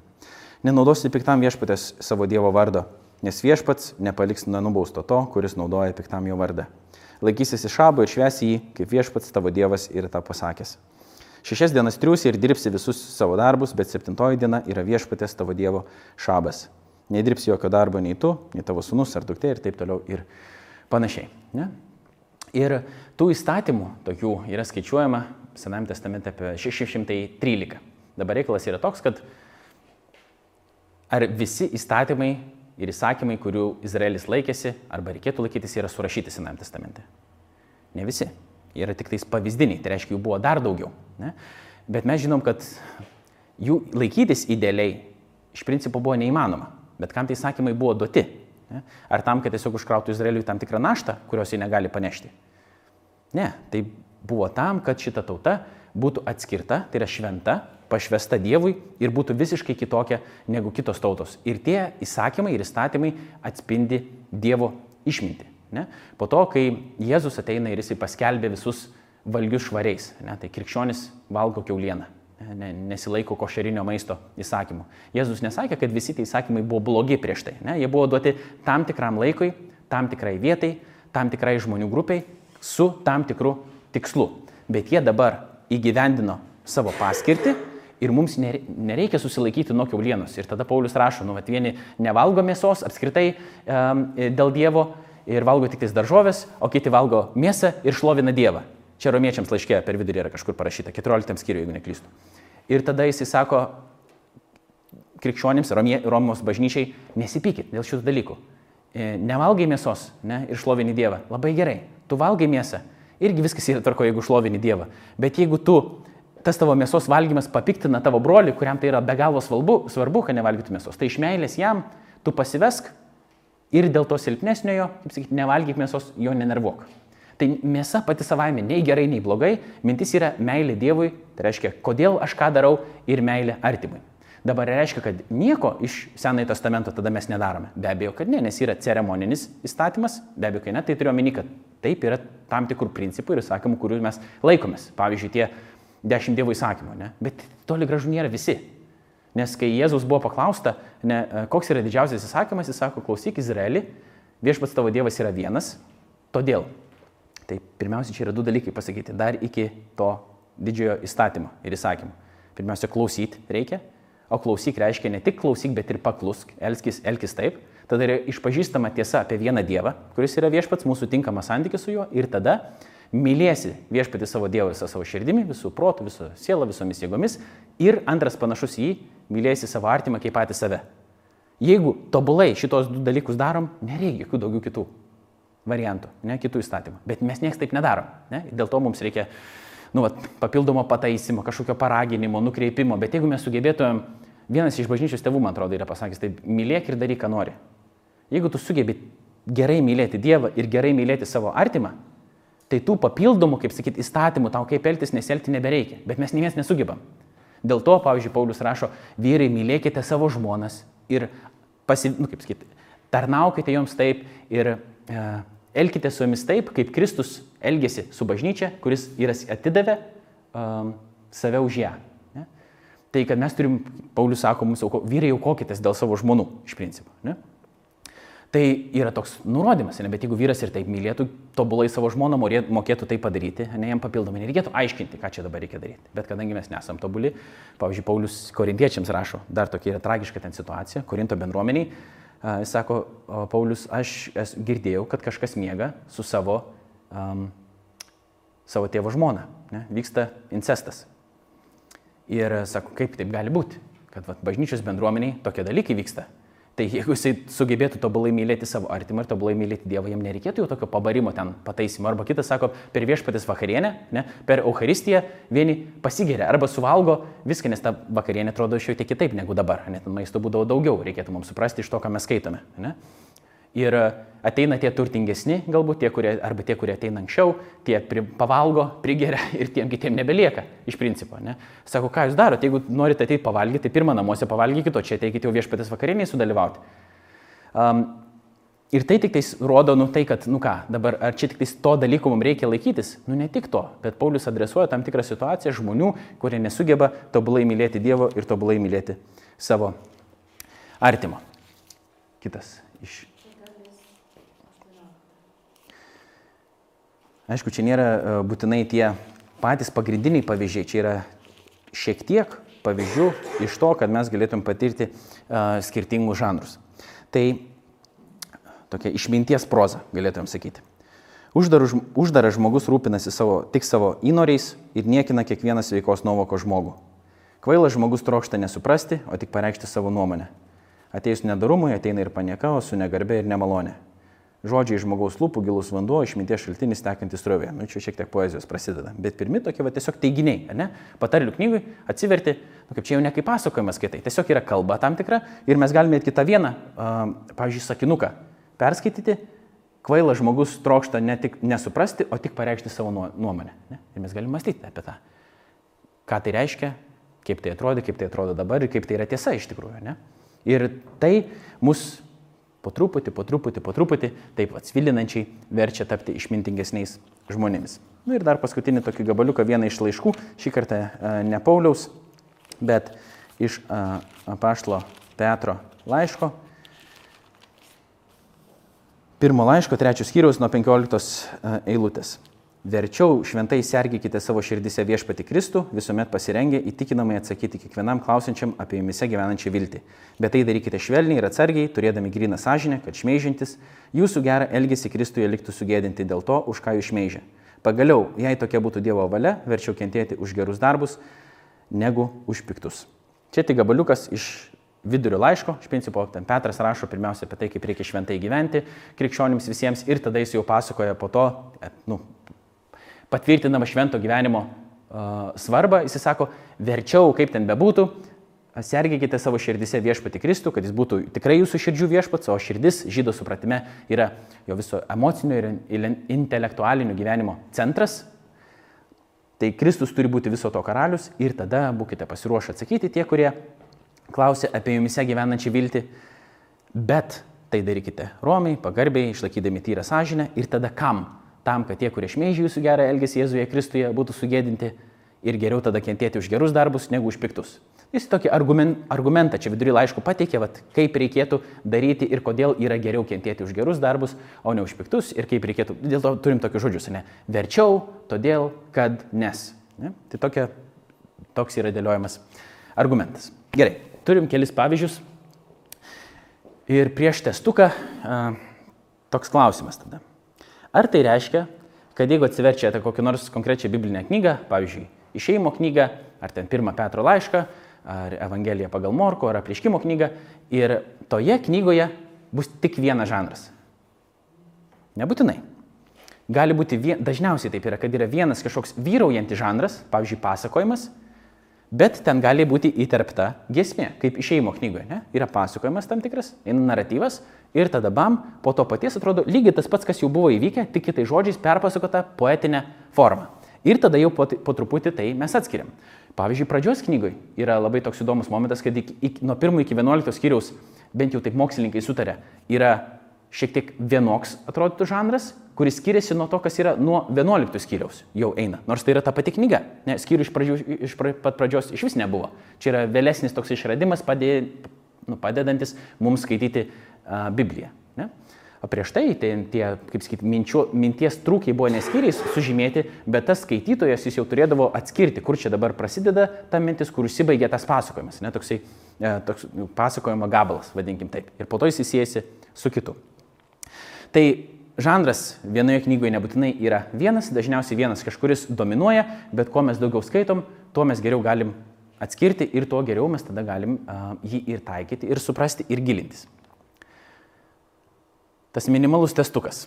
Čia iš Biblijos projekto taip pat paėmiau medžiagos, ne pats aš jį sugalvojau, nėra sudėtingas, bet tiesiog. Ne? Kuris literatūros žanras Biblijoje naudojamas dažniausiai? Pasakojimas, ne. Beveik pusė. Tiesa ar melas, biblinių pasakojimų veikėjai rodo mums, kaip dėrėtų gyventi. Čia toksai sudėtingesnis šiek tiek. Nu prisiminkit dabar, gerai. Prisiminkit, pavyzdžiui, duosiu du pavyzdžius, jeigu esate skaitę šitas istorijas. Abromas ir Dovydas. Ne? Tikėjimo didvyriai, atrodytų, nori, ten, bet jau Lietuvoje Dovydas vardą tai neretai duoda savo vaikams, Abromas nelabai, bet, e, bet, ne? Yra padarę gerų dalykų, padarė. Ar padarė nesąmonių? Padarė, ne? Pridarė nesąmonę.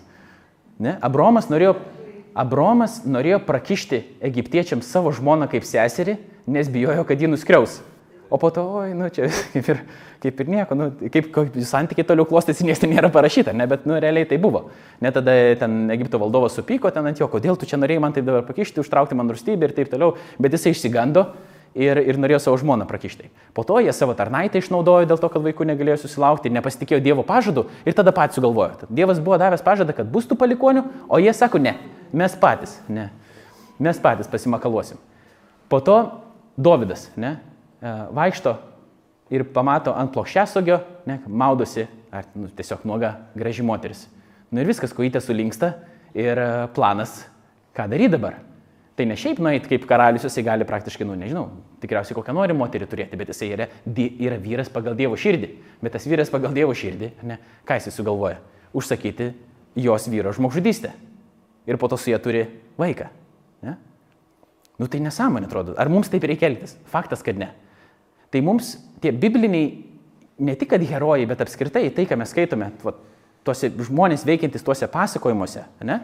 kurie taip pat yra ir istoriniai, Jie, bet aišku, čia kitas jau yra, kitas momentas apie tai, uh, vat, ar istorinis ir pasakojimo yra, lyg, yra lygiai vienas ir tas pats. Ne? Čia yra kita, uh, kitas, kaip sakyti, uh, kita diskusija, apie kurią mes šiek tiek vėliau pašnekėsim, kai kalbėsim daugiau apie pačius pasakojimus, nes tai bus šiek tiek vėliau ne šiandien. Ne? Tai yra akivaizdu, kad yra tam tikrų dalykų ir tam tikrų savybių, tam tikrų elgesio modelių, kuriuos, pavyzdžiui, turi Dovydas, kuris greitai atgailauja. Ne? Bent jau taip yra su, nu, sutinkama. Mums taip atrodo, kad greitai atgailauja. Ir mes mes turėtum būti tie, kurie, kai nusidedam, greitai atgailauti. Bet ar visas Davido savybės mes norėtum pamėgdžioti? Nu, toli gražu ne. Taip pat kaip ir Abromo. Ne? Yra vieni dalykai, vad Abromas patikėjo ir tai buvo jam skaityta teisumu. Mes galiausiai turim pasitikėti taip kaip Abromas, bet jisai daug ir prigribavo. Tai iš tikrųjų, biblinių pasakojimų veikėjai tikrai toli gražu ne visada mums rodo, kaip reikėtų elgtis. Ir čia ta kritikai Biblijos atina, va, pažiūrėkit, pasimistėjai, to ir to prirašyta, žiūrėkit, koks tas tą padarė, tas tą padarė. Tai mes žinom, kad tas tą padarė, bet niekas nesako, taip reikėtų daryti. Tie pasakojimai mus verčia susimastyti, save įtraukti į tai, tiksliau, tie pasakojimai mus patys įtraukia. Ir mes save atrandam tame įdomiam tokiam pasauliu ir esam formuojami Dievo išmintimi ir mums nėra pasakoma tokio mažo moraliuko, va tas padarė taip, taip ir taip, tu taip nebedaryk. Pavyzdžiui, Mozė užmuša egiptietį. Nieko nėra pasakyta, čia gerai ar blogai tas dalykas padarytas, ne? Bet mes toliau skaitom pasakojimą ir iš pasiekmių matome, kaip tai buvo. Saliamonas belie kiek žmonių po to e, prisirenka. Ir iš tų pagoniškų tautų irgi. Ir yra tam tikri rezultatai, kaip ką aš bandau pasakyti, kad tie pasakojimai, jie veikia, jų veikimo laikas yra žymiai ilgesnis ir tai yra sudėtingiau, bet efektas yra žymiai gilesnis, jeigu tu supranti galiausiai kažkaip įsisamonini, tave tas pasakojimas persmelkia taip, tu save ten atrandi, tu pamatai, kad, vad, žiūrėk, kaip, gali, kaip galėjo, vad, Gideonas taip nepasitikėti, pavyzdžiui, Dievu. Tiek kartų nepasitikėti, tik tą davė ženklą, tą davė ženklą ir po to, kokią gyvenimo dieną save pats pagauni, kad aš lygiai taip pat darau. Aš nesu nieko geresnis už tą Gideoną. Mano situacija galbūt kažkokia kitokia, bet tas pa pasakojimas pradeda realiai veikti tavo gyvenime ir tu iš pradžių nuteisęs tą veikėją, po to pamatai, kad tu esi lygiai toks pat nieko geresnis. Ne? Tai tie pasakojimai nėra tokie paprastučiai, lengvai išgvildenami, bet yra žymiai paveikesni, kuo mes daugiau juos apskaitom, apmastom ir tai darom ne tik vieni, bet ir bendruomeniai, ką iš dalies dabar darom ir mes čia. Kuris teiginys teisingai apibūdina biblinę poeziją? Poezija vartoja tirštą kūrybišką kalbą, susiję įvairius vaizdinius, kad padėtų mums pažvelgti pasaulį kitaip, naudoja metaforas, kad pažadintų mūsų jausmus ir vaizduoti, ar visi variantai. Nu, atrodo, kad visi, ne? Poezija daro kelis dalykus mums. Vartoja tokius tirštus vaizdinius, kad mus paveiktų, padeda į pasaulį pažvelgti visiškai kitokiu kampu, nes e, mes čia galvodami, tik, mes tik mokslinę pasaulyje žiūrą turim, nu toli gražu ne, ne. Tai vad parašyta Biblijoje, kad vanduo sustingo kaip žėlė. Nu, gerai, visi supranta, kad ne kaip žėlė, čia, nu, čia ne, ne apie ten krakmolo kiekį ir ten kažko kito, ten, mes eina, eina kalba, bet eina kalba apie tai, kad vat, toks viešpats galingas, ne, taip mus paveikia šitas, šitas pas, poetinis pasakojimas.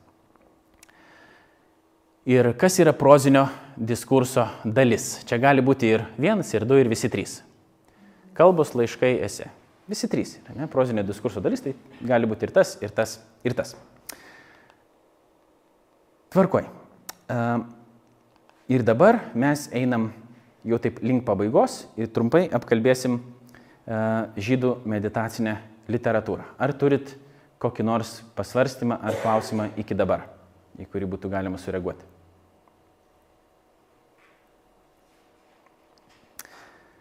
Gerai, tada aš paleisiu šitą įrašą.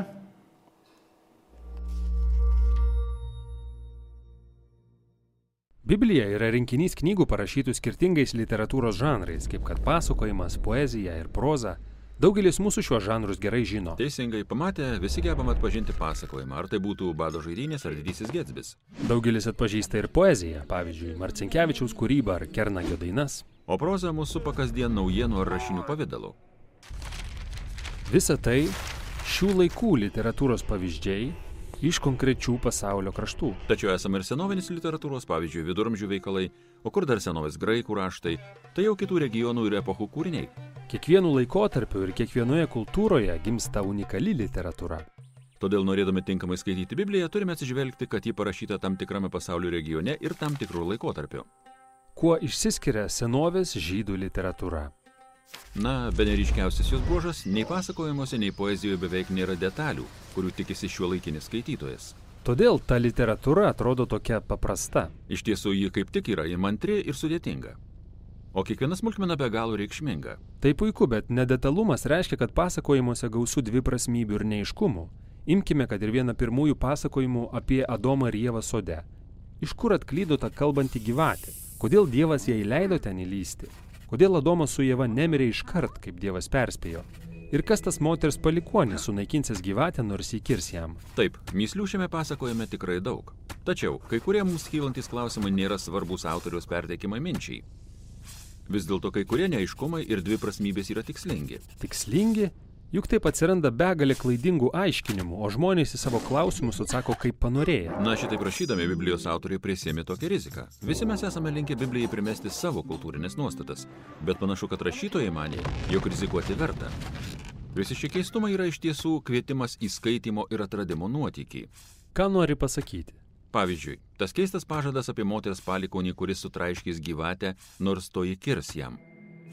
Tas žodis palikonis yra užuomina nepraleisti prokis genealogijų. Ko jau ko, o jų rasi visame biblinėme pasakojime.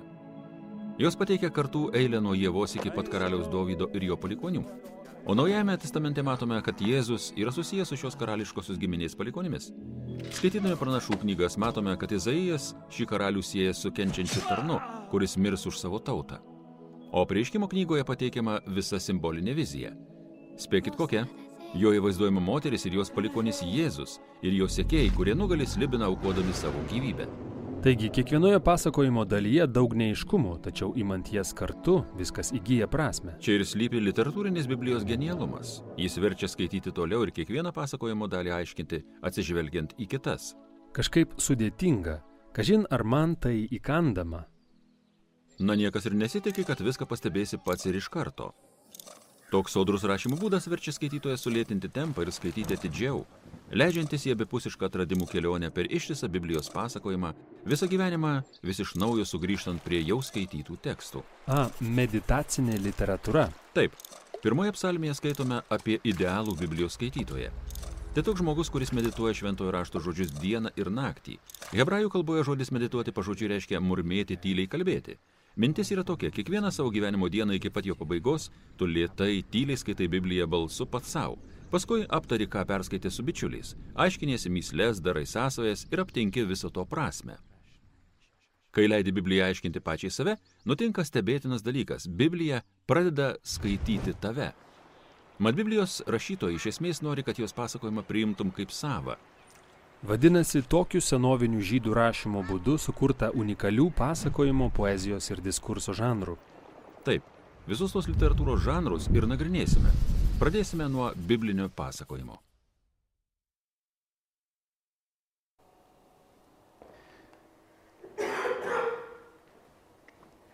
Tvarko, tai išsiaiškinom tada vieną dabar dalyką, tokį, kad Biblijoje yra įvairių skirtingų žanrų, bet kaip visuma jinai yra senovė žydų meditacinė literatūra. Tai ką dabar daro 21 amžiaus lietuviai ukmergėje susėdę skaitydami senovinę žydų meditacinę literatūrą? Neskaitome egiptiečių kažkokių um, šumerų ar dar kokios nors literatūros. Kartais tokie, nu, vadinkim, moksliukai universitetuose ir tą pavarto ir tenka į vienokią ir kitokią paskaityti, bet iš principo mes ją skaitome Ir ačiū Dievui, kad skaitome. Jinai padarius kažkokį tokį poveikį, kaip jau minėjau, tiek vakarų, tiek rytų e, civilizacijai dėl kažko. Ir dabar tie, kurie kaltina Bibliją tokiu paprastumu, kad čia vat nesąmonė senų žmonių kažkokios pasakos. Tai galima sakyti, nu, tokį pavyzdį, ne? kad e, aš esu šiaip labai nemeniškas žmogus. Nuėjęs į meno galeriją, pažiūrėjau, Florencijoje, mes nueinam ten į Ufici ar dar kažkokią meno galeriją, nueinam, nu ir Laurinas labai greitai nori į lauk. Nes, na, nu, aš pamačiau tą, biškai pamačiau tą, nu ir gerai, ačiū viską pamačiau, ką man reikėjo, dabar galiu jau eiti namo, ne? Bet kodėl taip yra? Dėl to, kad aš nesugebu įvertinti to meno. Aš nežinau, ką ten kalba, tos spalvos, kiek ten autorius, nusakykime, yra įdėjęs pastangų, kokios tenais yra niuansai visokie. Ne? Ir kitas, kuris tą meną sugeba vertinti, gali ten stovėti valandų valandas, dienų dienas ir praleisti visą savaitę žiūrėdamas. Ne? Tai ne meno yra to tikrai gero, kokybiško meno. Ne? ne tai, kad, nusakykime, aišku, galima padėti ir geltoną tašką ant sienos ir, nusakykime, kad čia yra menas ir galbūt tai bus. Aš sakau, nesuprantu. Bet yra tas menas, kuris yra išlaikęs savo tą laiko išbandymą ir yra pripažintas visuotinai. Ir jeigu aš to meno nesuprantu, tai reiškia, su manimi jau kažkas yra ne taip. Galbūt aš, man trūksta išprusimo. Ne? Arba, sakykime, kažkokia pasaulinė literatūra. Šekspyras, ne? lietuvių e, įvairi literatūra, e, kurią mes galime irgi skaityti. Ne? Ir, ar lietuvių poetai, taip toliau.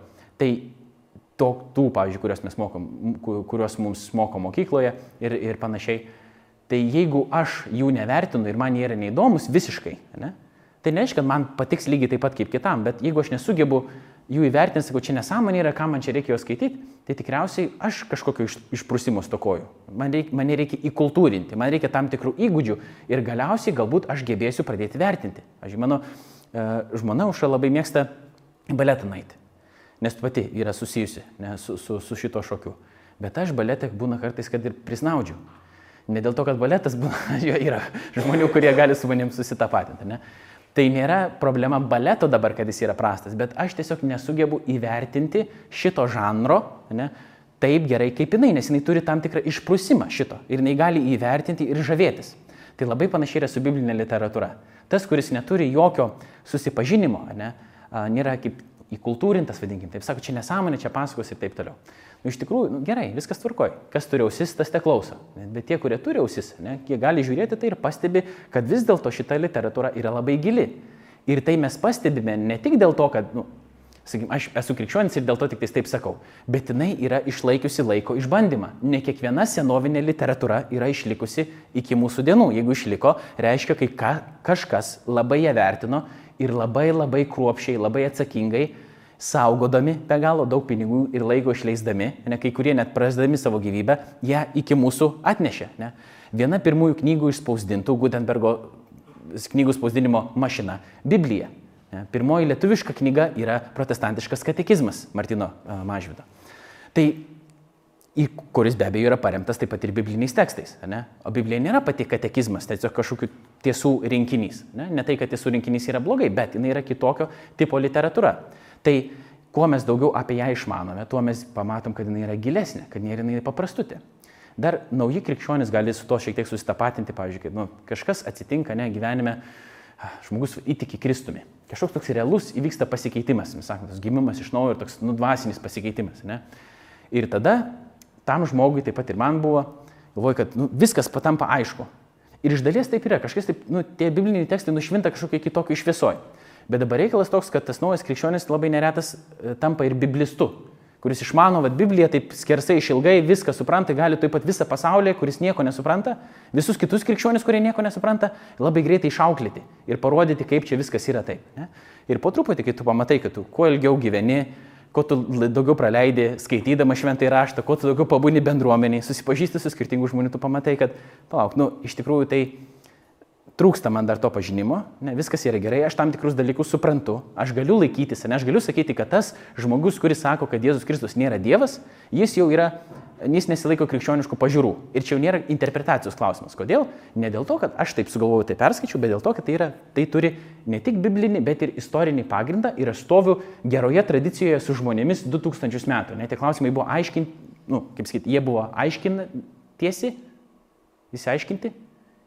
Ir apie juos buvo kalbama, buvo diskutuojama, ne? ir aš įdėdama save į tam tikrą lauką žmonių, kurie šitos dalykus taip pat apmastė, plus ir man taip atrodo, aš jau stoviu tada tvirto pagrindą ir sakau, taip, taip yra, ir jeigu kažkas sako, kad yra priešingai, ne, tada ten kokios nors religinės grupės arba nereliginės, aš galiu sakyti, ne, jūs klystate, vis dėlto taip nėra. Ne? Bet kiti klausimai yra šiek tiek komplikuotesni. Ir 2000 metų tie patys krikščionys, kurie skaito tą pačią Bibliją, jiems neišeina iki galo susitarti dėl to dalyko. Pavyzdžiui, toks man populiariai vartojamas pavyzdys, nežinau, jūsų visų, iš kur jūs esate, iš kokių ar rato, ar tikinčių, ar netikinčių, ir iš kokių konfesijų, bet, pavyzdžiui, yra dvasinės dovanos. Toks yra dalykas, mistinis kalbėjimas kalbomis. Vieni sako, yra toksai dalykas, kiti sako, nėra. Tas dvasinės dovanos taip veikia, kiti sako, taip, taip neveikia. Ne? Ir skirtus tos grupės. Nu, ir toliau žmonės diskutuoja. Aš turiu, pavyzdžiui, tam tikrą požiūrį. Aš matau, kad kiti žmonės, jie gali turėti kitokį šiek tiek požiūrį į tai. Aš bandau suprasti jų logiką, man gali atrodyti, kad jie klysta, bet aš jau nebesilaikau šito klausimo taip griežtai, kaip kad laikyčiausi Jėzaus dievystės klausimo. Dėl to, kad nu, jeigu tas klausimas nėra iki galo išspręstas dabar, tai gali būti, kad aš ir laikaus teisingos pozicijos. Bet jau reiškia, jos prieiti yra šiek tiek sunkiau, dėl to, kad 2000 metų žmonės dar dėl to klausimo tebe diskutuoja, ne? o tarp kai kurių jau tų diskusijų nebėra. Čia vienas dalykas. Jeigu mes pažiūrėtum kitų pjūvių, ar ne, kad tie pasakojimai yra gilus, kad tu vieną dalyką atradęs, tu neišsemi to pasakojimo esmės. Tu gali atrasti dar vieną sluoksnį ir dar vieną sluoksnį ir ketvirtą ir penktą sluoksnį ir grįždamas prie tų tekstų, tau jis vis nušvis naujomis spalvomis ne tai, kad tiesos vienas viena kitai prieštaraus, bet nėra taip, kad tu perskaitai, sakau, tą vieną Biblijos knygą, pavyzdžiui, kokį nors ten, nu, sakykime, pradžios knygą perskaitai, bam, čia autorius norėjo pasakyti vieną šitą mintį ir viskas, aš ją supratau, daugiau prie šitos knygos negryšiu. Gerai, tu turi tą mintį, viskas gerai, jinai gali būti teisinga, bet jinai tada dar įgauna kitą atspalvį, dar prie jos klyjuojasi ta kita mintis, ar ne? Tiesa tiesai neprieštarauja, bet kad Biblija yra žymiai gilesnė negu kad man pasakyk, tiksliai, šitoj lūtei yra taip ar taip. Kartais taip įmanoma, kartais tai būna, Pavyzdžiui, Jėzus Kristus prisikėlė uh, kūnu ar dvasia. Ir tradicinis krikščioniškas požiūris, aišku, kurio aš ir laikausi, kad kūnu. Be abejo, tik tais kūnu ir ten jau nėra kitokios interpretacijos, kažkas gali sakyti, kad kitaip, bet kit, jeigu kitaip, tai tada gali rodyti argumentų. Tas neveikia, tas neveikia, tas neveikia ir anas neveikia. Ne? Bet čia, pavyzdžiui, tas pavyzdys pradžios knygos, ne? kai uh, Adomas ir Jėva ne, prie to medžio, pažinimo medžio, aš liaužė gyvatę, Čia specialiai nėra vartojamas žodis šetonas ir velnės, dėl to, kad pradžios knygos naratyve niekur taip nėra kalbama apie tai. Čia jau taip vėliau, iš kitas knygas skaitydami, žmonės interpretuodami sako, čia tikriausiai buvo va, tas pats, bet pačioj pradžioj taip nėra pasakyta. Ne? Yra kažkokia tokia mislinga, keista būtybė, kuri išliaužėja, kuri kaip ir pakaltina ir nu, kaip paragina, sugundo. Šetonas kažką tokio panašaus daro, šetonas bet to yra ne vardas, o titulas, kuris reiškia kaltintojas. Ne? Bet va tokių yra klausimų, kuriuos mes neretai turim, skaitydami pradžios knygą. Ne? Va, tai, uh, o jeigu nebūtų valgę vaisius, kas buvo, iš kur ta gyvatė išlindo, o bamba turėjo Domas ir Jėva ar neturėjo bambos. Ne? Ir mums tie klausimai nėra atsakomi ten. Ir dalis to, kodėl jie nėra atsakomi, dėl to, kad autorių tai visiškai neinteresavo. Šitie klausimai mums yra kažkodėl įdomu šiandien, o jie tų klausimų net nekėlė. Jie norėjo pasakyti visiškai kitą mintį.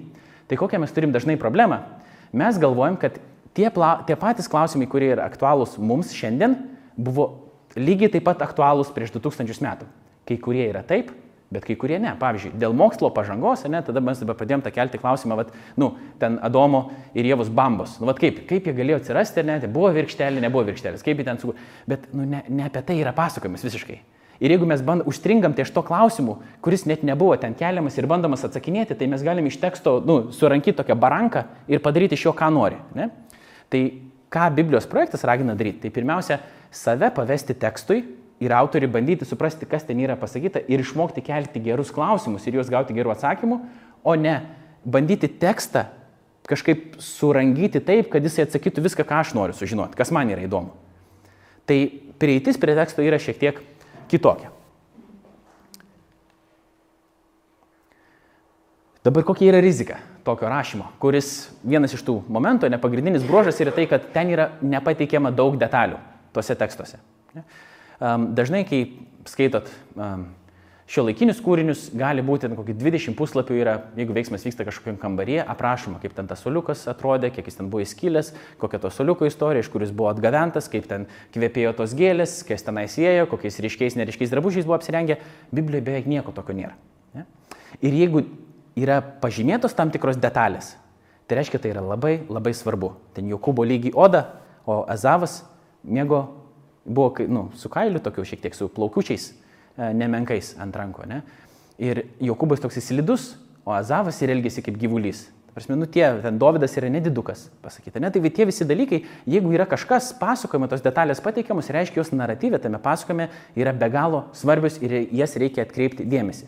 O kai yra tarpai paliekami, specialiai tarpai yra paliekami tam, kad mes, kaip sakyt, nu, lengvai nuo to teksto neperlaužtumėm jo ir sakyt, ai viskas, jau tą žinau ir einu toliau bet save kažkaip į tą tekstą vėl įvedi, tiksliau tekstas mus pagauna ir mes grumėmės su tuo tekstu, grumėmės, grumėmės, grumėmės, grumėmės, bandom suprasti, tada atsiranda vienas variantas, kitas variantas, kalbame su kitais žmonėmis ir jisai mums tampa gyvas ir mes esam to teksto patys irgi formuojami.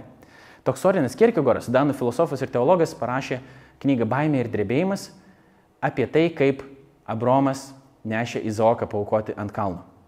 Mes pasakojame tame nieko, Biblijoje beveik neturim apie tai. Tiesiog, nu, vat, pasakė Dievas, Jisai ėjo, aukojo, norėjo aukoti, Dievas sakė, nereikia, čia buvo išbandymas, nu, tokiais žodžiais nesakė, ne, bet mes tai suprantame, kad tai buvo išbandymas, jisai davė pats avinėlį, kuris buvo paukotas vietoj jo sunaus ir tai yra nuoroda į Jėzų Kristų, kuris galiausiai ir buvo paukotas kaip nekaltas Dievo avinėlis ir Dievo sunus vardan mūsų visų.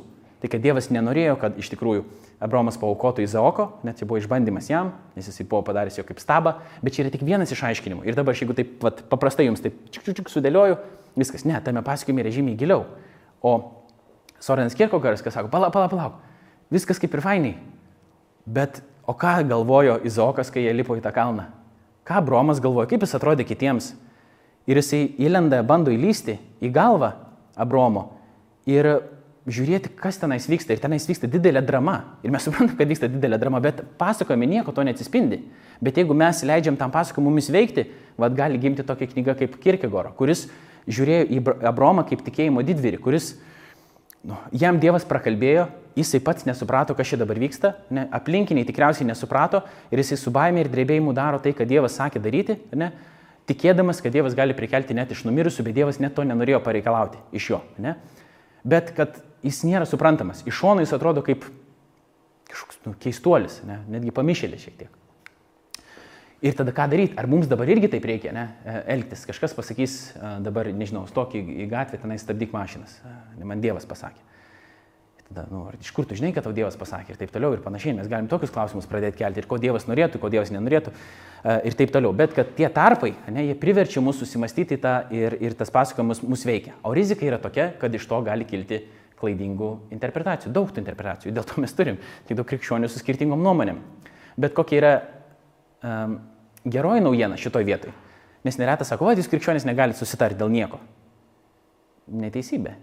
Mes galim susitarti dėl daugo. Ir dėl daugo esam susitarę. Nes jeigu neturėtumėm bendro krikščioniško pagrindo, tai ir krikščionybės nebūtų. Tai reiškia, yra nemažai dalykų, dėl ko mes esam susitarę, kurie nebėra kvestionuotini, ta prasme, jie nėra diskusijų kažkoks objektas toks, kaip, pavyzdžiui, Jėzus Kristaus dievystė, Dievo trejybė, Jėzus mirtis ant kryžiaus už mūsų nuodėmės kaip realus istorinis įvykis, jo prisikėlimas kūnų, jo paėmimas į dangų ir jo antras sugi, pareimas arba sugrįžimas. Tai va tokie dalykai, net, kad esame išgelbėti malonė per tikėjimą, ne darbais ir taip toliau, dėl tų dalykų mes esame, kaip sakyt, kuolų susikalę, stovim ant tvirto pagrindo. Ne? Bet yra tam tikrų dalykų, kur mes, nu, vat, nu, diskutuojam, kai kur yra teologinių nuomonių, kurios nekeičia iš esmės mūsų tikėjimo, bet turi daugiau tos istorijos tam tikrų atspalvių ir mes pažiūrim čia vienaip, truputį yra kitaip, ne? Ir e, dėl to nuolat pamokslų klausomės, patys diskutuojam, skaitom. Um, bet rizika yra tokia, kad kadangi nėra viskas taip, bam, bam, bam, bam, bam, sudėta kiekvienu atveju, kad gali būti ir klaidų. Bet mes mokėdamės ją skaityti, kiek įmanom geriau šitą biblinę literatūrą, vilėmės, kad jų bent jau galėsim kažkiek išvengti ir kad ta lietura mūsų toliau veiks. Genealogijas jau truputį minėjau, čia jau visiškai pabaiga. E, genealogijos yra svarbios, e, ką jau sakiau, dėl to, kad mums galbūt jos nieko nereiškia, bet jeigu jūs turėtumėt savo šeimos medį, asmeninį, e, jūsų šeimos medis gal kitam jūsų draugui, kaimynui ar bendradarbiai nieko absoliučiai nereiškia. Jums yra visiškai neįdomu, ten kas ten kieno senelis, o pažiūrėk mano ten prosinelio nuotrauką nei tavo anūkai, nei tavo proseneliai, niekas man nerūpi, prasme, bet jeigu mano anūkai, nu, neturiu aš anūką, aišku, bet e, ar proseneliai mano, kokie nors, man jau įdomu, o kas jisai buvo, iš kur jisai, kaip čia kas, ne, kur gyvena, kaip elgesi ir taip toliau ir panašiai. Ne? Tai jeigu mes padarome šitą Izraelio tautos istoriją savo istoriją, į kurią mes esame įskiepyti, kaip yra parašyta, kaip į tą vynmedį, tai tos genealogijos ir mums pradeda skambėti šiek tiek kitaip, nes tai tampa mūsų tokios, nu, sakykime, bendros šeimos istorija. Nors aišku, jie skaityti vis tiek yra nuobodu, nuoširdžiai pasakysiu, ne? Bet ten yra gilios svarbos. Ir visiškai pabaigai, pirmoji psalmiai yra apibūdinamas idealus Biblijos skaitytojas, kuris nuolat medituoja Dievo žodį. Dabar, čia yra toks vertimas, kurį aš turiu, kuris ne visai atspindi tai, kas yra hebrajų kalboje. Aš nesu, aišku, hebrajų kalbos nei ekspertas, nei aš ją moku, aš naudojuosi antriniais šaltiniais. Ir, pavyzdžiui, kitam vertime lietuviškos Biblijos jau yra vienas dalykas atspindėtas šiek tiek geriau šitoje lūtėje, o angliškam vertime visi trys. Bet aš perskaitysiu tą pirmą psalmį ir pasakysiu, apie ką aš kalbu. Laimingas, kas atmeta nedoralių patarimus, kas neina nusidėjėlių keliu ir nebendrauja su pašaipūnais Bet džiaugiasi viešpatės įstatymu ir masto jo įstatymą dieną naktį. Jis lik medis pasodintas prie tekančio vandens, duodantis vaisių laikui atėjus, jo lapai nevysta. Kad ir ką jis darytų, jam sekasi, nedoraliai netokie, jie kaip vėjo blaškomi pelai. Todėl nedoraliai teisme neatsilaikys nei nusidėjėliai teisųjų sueigoje, nes viešpats globoja teisųjų kelią, o nedoralių kelias veda į pražūtį. Čia pas mus yra parašyta laimingas, kas atmeta nedoralių patarimus, neina nusidėjėlių keliu ir nebendrauja su pašaipūnais. O originale yra neina, nestovi ir nesėdi. Ir trys dalykai pasakyti. Nu, tam tikros tokios metaforos mums jos yra išverstos tam, kad būtų paprasčiau suvokti, nes mūsų kalba veikia šiek tiek kitaip ir jeigu mums pasakysite, nesėdi kažkieno kelyje, ar ten dar kažkas mums nebus aišku, ne? dėl to sako, nebendrauja, pavyzdžiui, su pašaipūnais. Ne? Bet uh, originale yra nevaikšto, nestovi ir nesėdi. Dabar, ką šitos metaforos, tokios ir pozicijos kūno reiškia? Vaikščioti, tas įvaizdis, toksai vaizdinys šventajame rašte, jis ne tik Sename testamente yra randamas, bet ir Naujajame. Pavyzdžiui, vaikščiokite šventojoje dvasioje. Ką tas reiškia dabar? Mes šventąją dvasią kažkaip apsimaunam, kaip jinai atrodo. Nu, ką reiškia vaikščioti šventoje dvasioje arba vaikščioti su Dievu? Mes už rankų susikimbam ir su juo vaikštom. Aišku, aišku, kad ne tai. Vaikščiojimas nurodo į gyvenimo būdą. Kaip mes gyvename, ne, pilni šventosios dvasios, kartu su Dievu, Dievo artumoje. Vaikščiojimas kaip gyvenimo būdas. Stovėjimas, rodo, mūsų yra toks lietuviškas žodis gražus - laikysena. Kaip, kokios mes laikysenos arba pozicijos laikomės įvairiais klausimais. Ne? O sėdėjimas jau rodo um, tam tikrą įsišaknyjimą. Kokioje mes vietoje esame, nepajudinamai tvirtai, taip pat tai gali nurodyti į polisį ir į panašius dalykus. Ne? Tai kas neina nusidėjėlių keliu, ne tas, kuris jo gyvenimo būdas nėra nuodėmingas, jis neveda į nuodėmę. O nuodėmė ką reiškia? Nepataikyti į taikinį. Laužyti viešpatys įstatymą ir taip toliau. Ne? Tas yra ir laimingas, jis yra ir išmintingas. Dabar kas yra išmintis? Išmintis yra, gal irgi atsimenat, viena tokia yra lūtė Biblijoje, um, viešpatės baimė yra išminties pradžia. Ne? Tinkamas santykis su Dievu veda į išmintį bet tos išminties mums nepavyksta kaip į kompiuterį įrašyti, ne, ne diskelį įkišus, o dabar, kad mes turėtumėm tą visą išmintį per vieną kartą, mums reikia būti formuojamiems. Ir kai mes formuojamės, vienas iš tų būdų, pagrindinių iš tikrųjų yra um, ėjimas vėl prie šventojo rašto, kuris yra Dievo apreiškimas mums. Ir visiškai pabaigai vienas buvo toks dalykas paminėtas, ne, kad, pavyzdžiui, skaityti šventąjį raštą, tą medituoti, ką reiškia, nes meditacija dažniausiai yra siejama su rytų praktikom, tai yra išvalyti savo protą, ne, dažniausiai taip yra šiais laikais suprantama. Bet ta biblinė meditacija yra visiškai kitokia. Ne išvalyti savo protą, o pripildyti savo protą Dievo žodžiu, kuris daro mus išmintingais. Tai nuolat apie tai mąstom. Bet tas mąstymas toksai jisai, nu, vos negaunasi pusbalsių skaityti tuos tekstus, po to juos aptarinėti. Taip pat ir skaityti ne tik savo, ir ne tik vienam, kaip dažnai irgi mes tokie šiek tiek esame individualistai jau patapę, mes galvojam, kad Biblijos studijos yra, na, nu, gali būti mažai grupeliai, taip, tai yra ačiū Dievui, kad tai dar vyksta, bet e, dažniausiai skaityti, vat, nu, tylus laikas su Dievu, tai skaityti Bibliją tiesiog savo. To reikia, bet taip pat yra ir toks vat, tiesiog skaitimas bendruomenėje, garsiai, nes tie tekstai didžiojo dalimi buvo rašyti taip, kad jie būtų skaitomi garsiai, taip pat ir laiškai, tokios yra formos, tai mes turim ir vieną momentą pagauti, ir kitą momentą pagauti ir aptarinėti šitos tekstus ir nuolat apie juos mąstyti ir jie mus daro, su, mes turim tokį viltį, vis išmintingesniais um, žmonėmis. Testas ir baigiam minimalus vėl. Tiesa ar melas, kad kiekviena atskira Biblijos knyga parašyta vienu konkrečiu žanru, mes jau išsiaiškinam, kad melas, norint tapti Biblijos, gerų Biblijos skaitytojų, reikia uh, išmokti atskirti ir tinkamai įvertinti skirtingus literatūros žanrus, atpažinti, kad Biblija yra senovinė literatūra, turėti žanrą atitinkančius lūkesčius, suprasti, kaip Biblijoje veikia unikali žanrų kombinacija ir visi išvardinti variantai.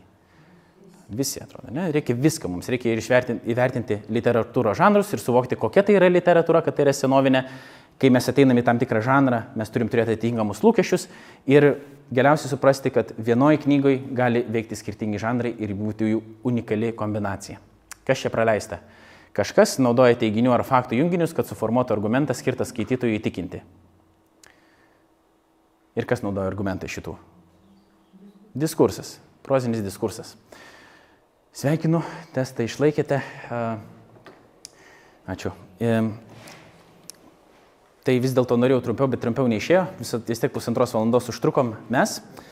Kita kartą už dviejų savaičių, tai ne ateinantį pirmadienį, bet dar kitą pirmadienį, mes kalbėsime apie pirmąjį tą žanrą, giliau, grinai apie patį pasakojimą.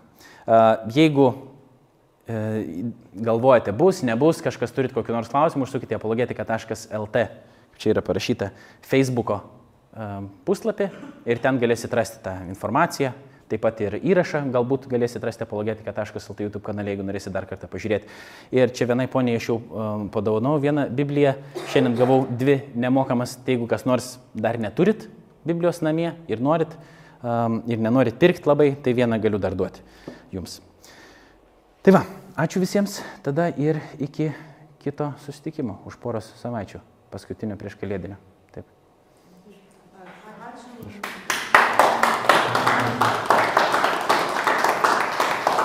Nemažai. Ne,